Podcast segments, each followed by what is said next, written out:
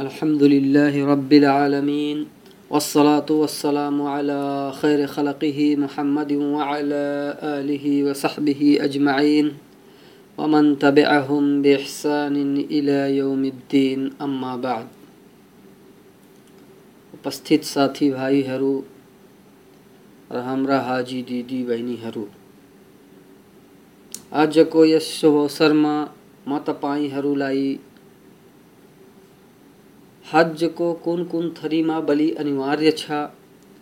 र बलिमा पाइने विशेषताहरूको बारेमा केही महत्त्वपूर्ण कुराहरू बताउने आँट गरेको छु।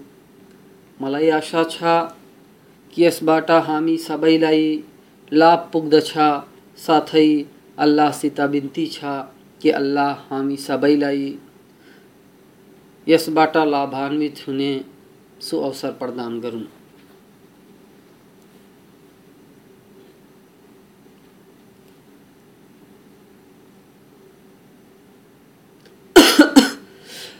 तपाईँहरूलाई यो थाहै होला कि हजका तीन थरीहरू छन्।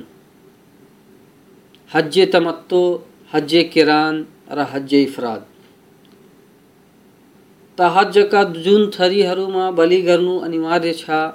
ती हुन् हज्जे तमत्तो र किरान। र अर्थात् तमत्तो गर्ने मान्छे त्यो हो, जुन हजका महिनाहरूमा उम्राको एहराम लगाएर उम्रालाई सम्पन्न गरेर हलाल भएको होस् र त्यसै वर्ष हज पनि गरोस्। यसर्थ यदि कुनै मान्छे सवाल आउनुभन्दा अघि नै उम्रा गर्यो र मक्कामा नै बसिराख्यो र त्यसै साल हज पनि गर्यो। त त्यसमाथि बलि छैन किनकि त्यो तमत्तो गरिरहेको छैन। किनकि त्यसको उम्रा हजका महिनाहरूमा सम्पन्न गरिएको छैन। र यदि त्यसले सवाल महिना लागे पश्चात उम्रा गर्यो र हज त्यसै साल नगरिकन आउनेवाला साल गर्छ भने यस्तो अवस्थामा पनि त्यसमाथि हजको बलि छैन। किनकि त्यसको उम्र एक सालमा सम्पन्न भयो र हज अर्को सालमा? र यदि कुनै मान्छेले हजका महिनाहरूमा उम्र गर्यो अनि आफ्नो देश फर्क्यो अनि त्यसै वर्ष मात्र हजको नियतले पुनः एहराम लगाएर आयो, त यस अवस्थामा पनि त्यो हज तमत्तो गरिरहेको छैन, किनकि त्यसले मात्र हजलाई एउटै पूर्ण यात्राद्वारा विशिष्ट गर्यो। र रह्यो कुरो किरानको त यसको अर्थ हो, मान्छे हज र उम्राको एकैचोटि नियत गरी एहराम लगाओस्। वा पहिला उम्राको लागि एहराम लगाओस्, अनि तवाफ गर्नुभन्दा अघि हजको नियत पनि त्यसैमा प्रविष्ट गर, गरोस्। तमत्तो र किरान गर्ने मान्छेमाथि एक शर्तको साथ बलि गर्नु अनिवार्य छ। र त्यो शर्त हो कि त्यो मान्छे हरमको सीमाभित्र बसोबास गर्ने मान्छे नहोस्।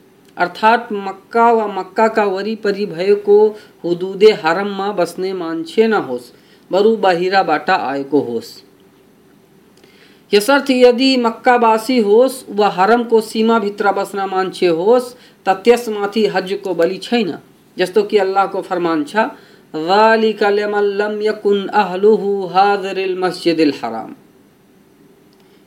यो आदेश ती मानिसहरूको लागि हो जो मक्काका बासिन्दा होइनन् सुरतुल बकरा, श्लोक नम्बर एक सौ छियानब्बे र जद्दावासीहरूमाथि बलि गर्नु अनिवार्य छ। जब उनीहरू हज्जे तमत्तो अथवा हज्जे केरान गर्ने इच्छा राखुन्। किनकि उनीहरू मक्कावासी होइनन्।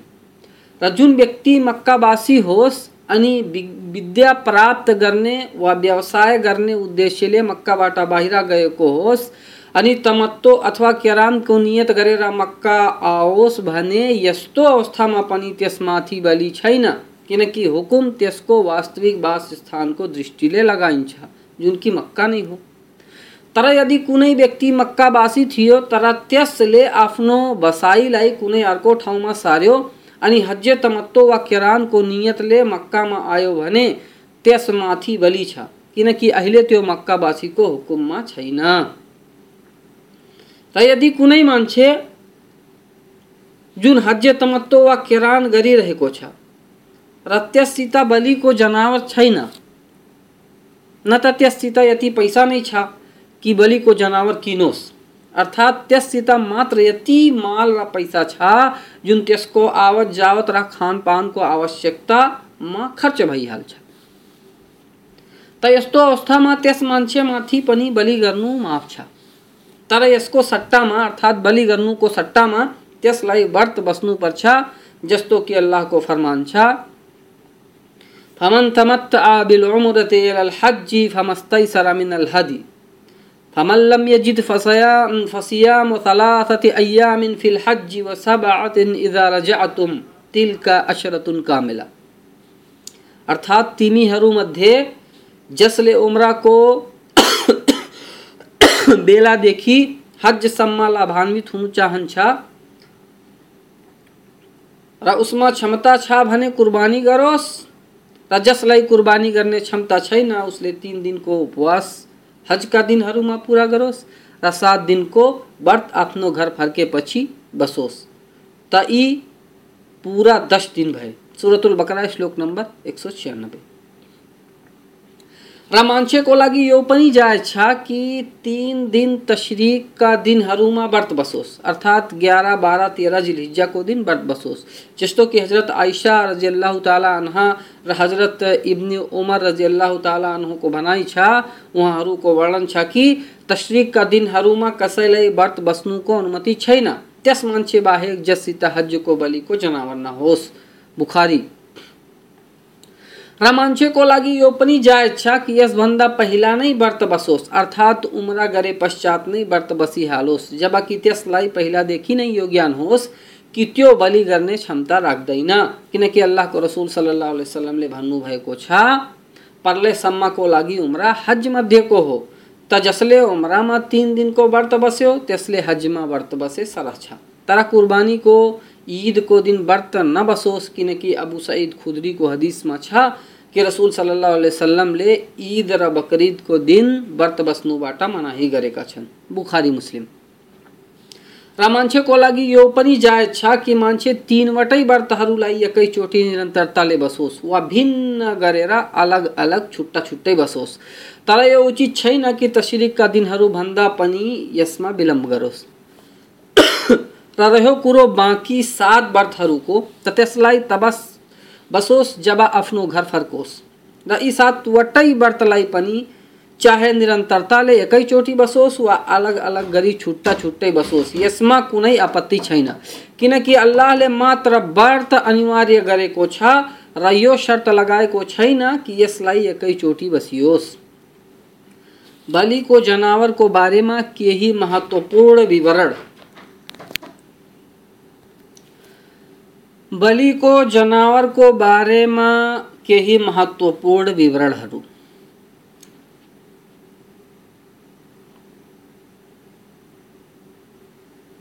हदिए बलिका बलि को जनावर ऊँट, गाई, बाख्रा र भेडा मध्येको हुनुपर्छ जस्तो कि अल्लाहको फरमान छ वलिकुल्ल उम्मतिन जअलना मनसकन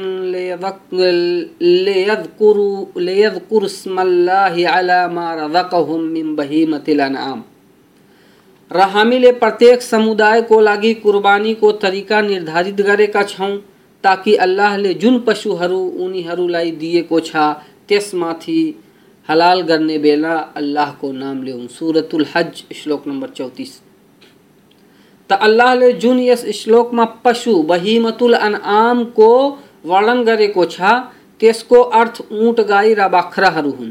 र एक बाख्रा एक मान्छेको बलिको लागि पर्याप्त छ, र एक गाई वा ऊँट सात मान्छेको बलिको लागि पर्याप्त छ। जस्तो कि हज़रत जाबिरको हदिसमा छ कि रसुल सल्लाह वसलमले हामीलाई यो आदेश दिनुभयो कि ऊँट र गाईमा हामी सात मान्छेहरू सहभागी हौँ बुखारी, मुस्लिम।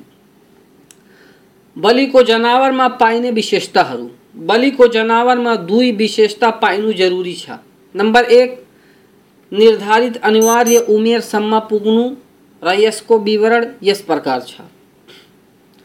ऊँट पाँच वर्षको भइसकेको होस्, गाई दुई वर्ष वर्षको भइसकेको होस् र बाख्रा एक वर्षको भइसकेको होस् र भेडा कम्तीमा छ महिनाको भइसकेको होस्। त वर्णित जनावरहरूलाई वर्णित उमेरसम्म पुग्नु अनिवार्य छ। र जुन वर्णित उमेरसम्म पुगेको हुँदैन त्यसको बलि पनि जायज़ छैन। जस्तो कि रसुल सल्लाह वसल्लमको भनाइ छ वर्ष निर्धारित उमेर पूर्ण नभएको जनावरलाई बलि नगर यस अवस्था बाहेक कि तिमीलाई गरिबीको कारण त्यस्तो खालको मिल्नु असम्भव भइहालोस्। त जजआ छ महिनाभन्दा बढी उमेरको भेडालाई बलि गर इसलिए बुखारी बाहेक मुस्लिम नेसाई इब्ने माजा, अबु दाउद तिर्मिजी आदिले वर्णन छन्। नम्बर दुई, ती चारवटै ऐब र दोषबाट मुक्त हुनु, जसलाई रसुल सल्लाह वसल्लमले वर्णन गरेका छन्। र जुन निम्न हुन्। काना जसको कानापना पूर्णतया जाहेर होस्, त्यो बलिको लागि उपयुक्त छैन। यस्तो रोगी जसको रोग ज़ाहिर होस्।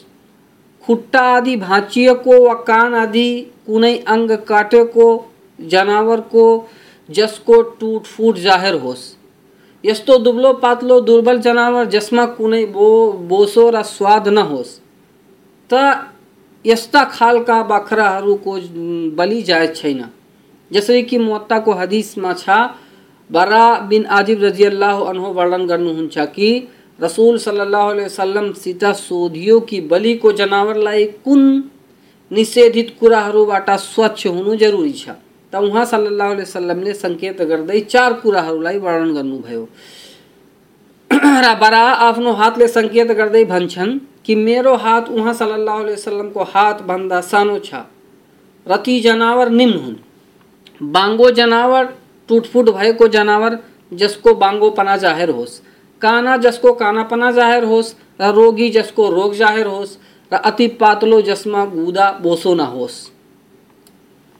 र रह्यो कुरो यस बाहेक ऐबहरूको जसरी कान र सिङका ऐबहरू, त कान र सिङमा कुनै ऐब भएको जनावरको बलि मकरुह छ, तर बलिको लागि पर्याप्त छ। मकरुहको अर्थ हो जसलाई मन पराइँदैन, तर त्यसको त्यसलाई कुर्बानी गरेमा त्यसको कुर्बानी भइहाल्छ। यसर्थ बलिको जनावरमा यो विशेषता पाइनु उचित मानिन्छ कि त्यो सशक्त र हृष्टपुष्ट होस् र निर्धारित उमेरको होस्, सुन्दर सुन्दर होस् र हेर्नुमा राम्रो देखियोस् र जनावर जति राम्रो हुन्छ अल्लाहलाई त्यति नै प्रिय लाग्छ, किनकि अल्लाह सुन्दर छ र सुन्दरतालाई मन पराउँछ बलिको स्थान। रह्यो कुरो बलि गर्ने स्थानको त त्यसको स्थान मिना हो। र हरमको सीमाभित्र मक्काको कुनै पनि ठाउँमा बलि गर्न सकिन्छ, जस्तो कि रसुल सल्लाह सलमको फरमान छ। मक्काका समस्त बाटो र गलीहरू बलि गर्ने स्थान हुन्। अबुदाउद र इमाम शाफईको भनाइ छ पूर्ण हरम बलि स्थान हो। यसर्थ हरमको सीमाभित्र जुनसुकै हाजी र उम्रा गर्ने व्यक्तिले बलि गर्यो, त्यसको बलि पूर्ण भयो। यसले गर्दा यदि मक्कामा बलि गर्नु अधिक लाभदायक होस् भने मिनामा बलि नगरिकन मक्कामा बलि गरियोस्। चाहे ईदको दिन होस् वा त्यस पश्चात तशरिकका दिनहरूमा। तर जसले हरमको सीमा बाहिर बलि जसरी अर्फात आदिमा, त त्यसको यो बलि पर्याप्त छैन। सही कथन अनुसार। बलि को समय इसको मुख्य समय कुर्बानी को दिन अर्थात दस जिलहिज्जा को दिन हो। जब सूर्य एक भाला बराबर जति उच्च भई हालोस तब तबदेखि इसको समय आरंभ हुन्छ र तेह्र जिलहिज्जाको सूर्य अस्त नहुन्जेल यसको समय रहन्छ। किनकि रसुल सल्लाह वसलमले आफ्नो बलि बकरिदको दिन गर्नुभएको छ र भन्नुभएको छ, समस्त तस्रिकका दिनहरू जबह गर्ने, बलि गर्ने दिन हुन्। यसर्थ कुर्बानीको दिनभन्दा अघि बलि गर्नु जायज़ छैन। किनकि रसुल सल्लाह वसल्लमले कुर्बानीको ईदभन्दा अघि बलि गर्नु भएन।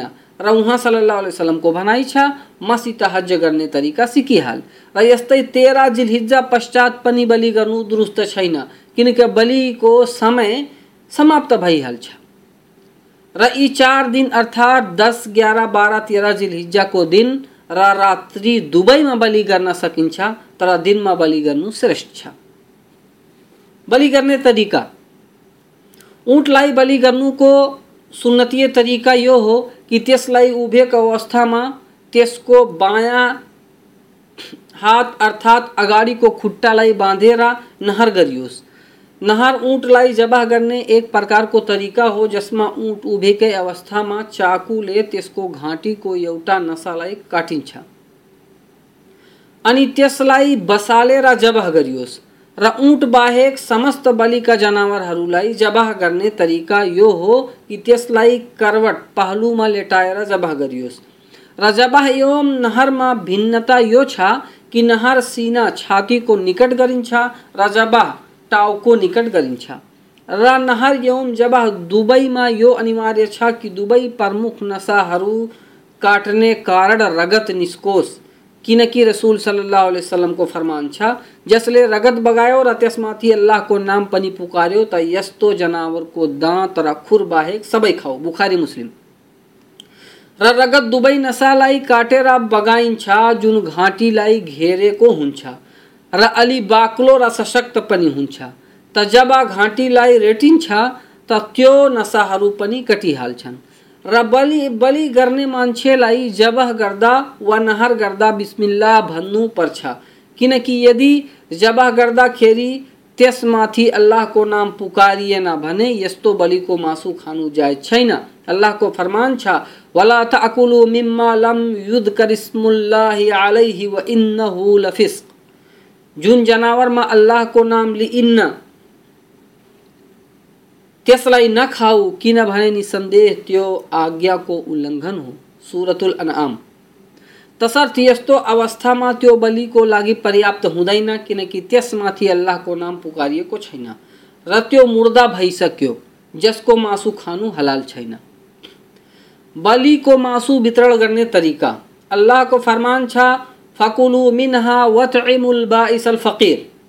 अनि त्यसबाट स्वयं पनि खाऊ र गरिब निमुखाहरूलाई पनि खुवाऊ। सुरतुल हज, श्लोक नम्बर अठाइस र रसुल सल्लाह वसलमले आफ्नो अन्तिम हजमा यो आदेश गर्नुभएको थियो कि समस्त ऊँटहरूबाट एक एक मासुको टुक्रा जम्मा गरियोस् अनि एउटा भाँडामा जम्मा गरियो र पकाइयो। त रसुल सल्लाह वसलमले त्यसबाट मासु खानुभयो र त्यसको सुरुवा झोल पिउनुभयो। मुस्लिम त सुन्नतको तरिका यो हो कि मान्छे स्वयं त्यसबाट खाओस् र अरूलाई पनि खुवाओस्। र यो जायज़ छैन कि बलिलाई न त स्वयं खाइयोस्, न त अरूलाई खुवाइयोस्। किनकि यस्तो गर्नु यस्तो गर्नु माललाई विनिष्ट गर्नु हो र व्यर्थ खर्च गर्नु हो। र अल्लाहको आदेशको पालना तबसम्म हुन सक्दैन। जबसम्म यसलाई जबह गरेर गरिब गुर्बाहरूलाई र निमुखालाई एवं दरिद्रहरूलाई नखुवाइयोस् र स्वयं नखाइयोस् यसर्थ, हाजीलाई चाहियो कि उपरोक्तमा वर्णित कुराहरूलाई कार्यान्वयनमा ल्याओस्, ताकि त्यसको बलि स्वीकृत होस् र अल्लाहका भक्तहरूलाई पनि त्यसद्वारा लाभ पुगोस्। र यो कुरो ज्ञात रहोस् कि तमत्तु और किरान गर्ने मान्छेहरूमाथि जिनमाथि बलि अनिवार्य छ, वा बलि नभएको खण्डमा व्रत बस्नु अनिवार्य छ, त यो अनिवार्यता उनीहरूमाथि कुनै दण्ड होइन, बरु यो हजका कार्यहरूमध्ये एउटा कार्य र त्यसको परिपूर्णता हो। र अल्लाहको दया एवं कृपा मध्येको हो, जसले गर्दा भक्त हरु को पूजा परिपूर्ण भइहालोस् र अल्लाह को प्रसन्नता प्राप्त भइहालोस् र तिनका पुण्यहरूमा अभिवृद्धि होस्, र तिनका श्रेणी उच्च भइहालोस् र तिनको वृद्धि को कारण बनोस्, र त्यसको कृतज्ञता को माध्यम बनोस् त यो अल्लाहको अनुकम्पा र उपकार हो जसमाथि बलि गरेर कृतज्ञता प्रकट गर्नु अति उचित छ।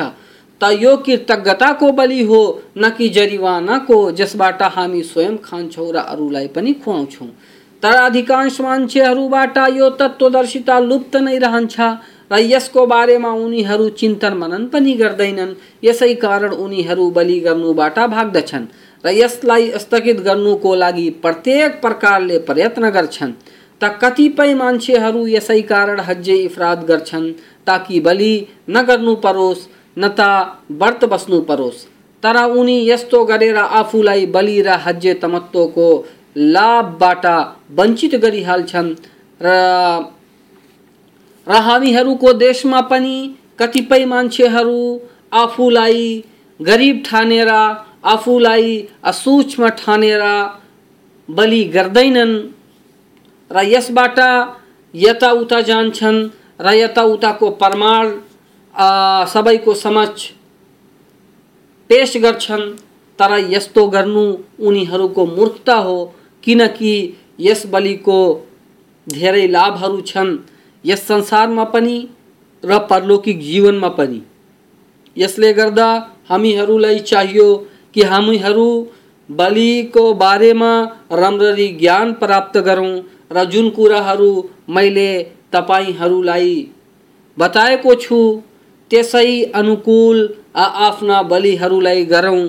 चाहे हामी आफ्नो देशमा हौँ वा हज गर्नको निम्ति मक्कामा आएको हौँ यसै बमोजिम हामीहरू आफ्नो बलिलाई जबह गरौँ।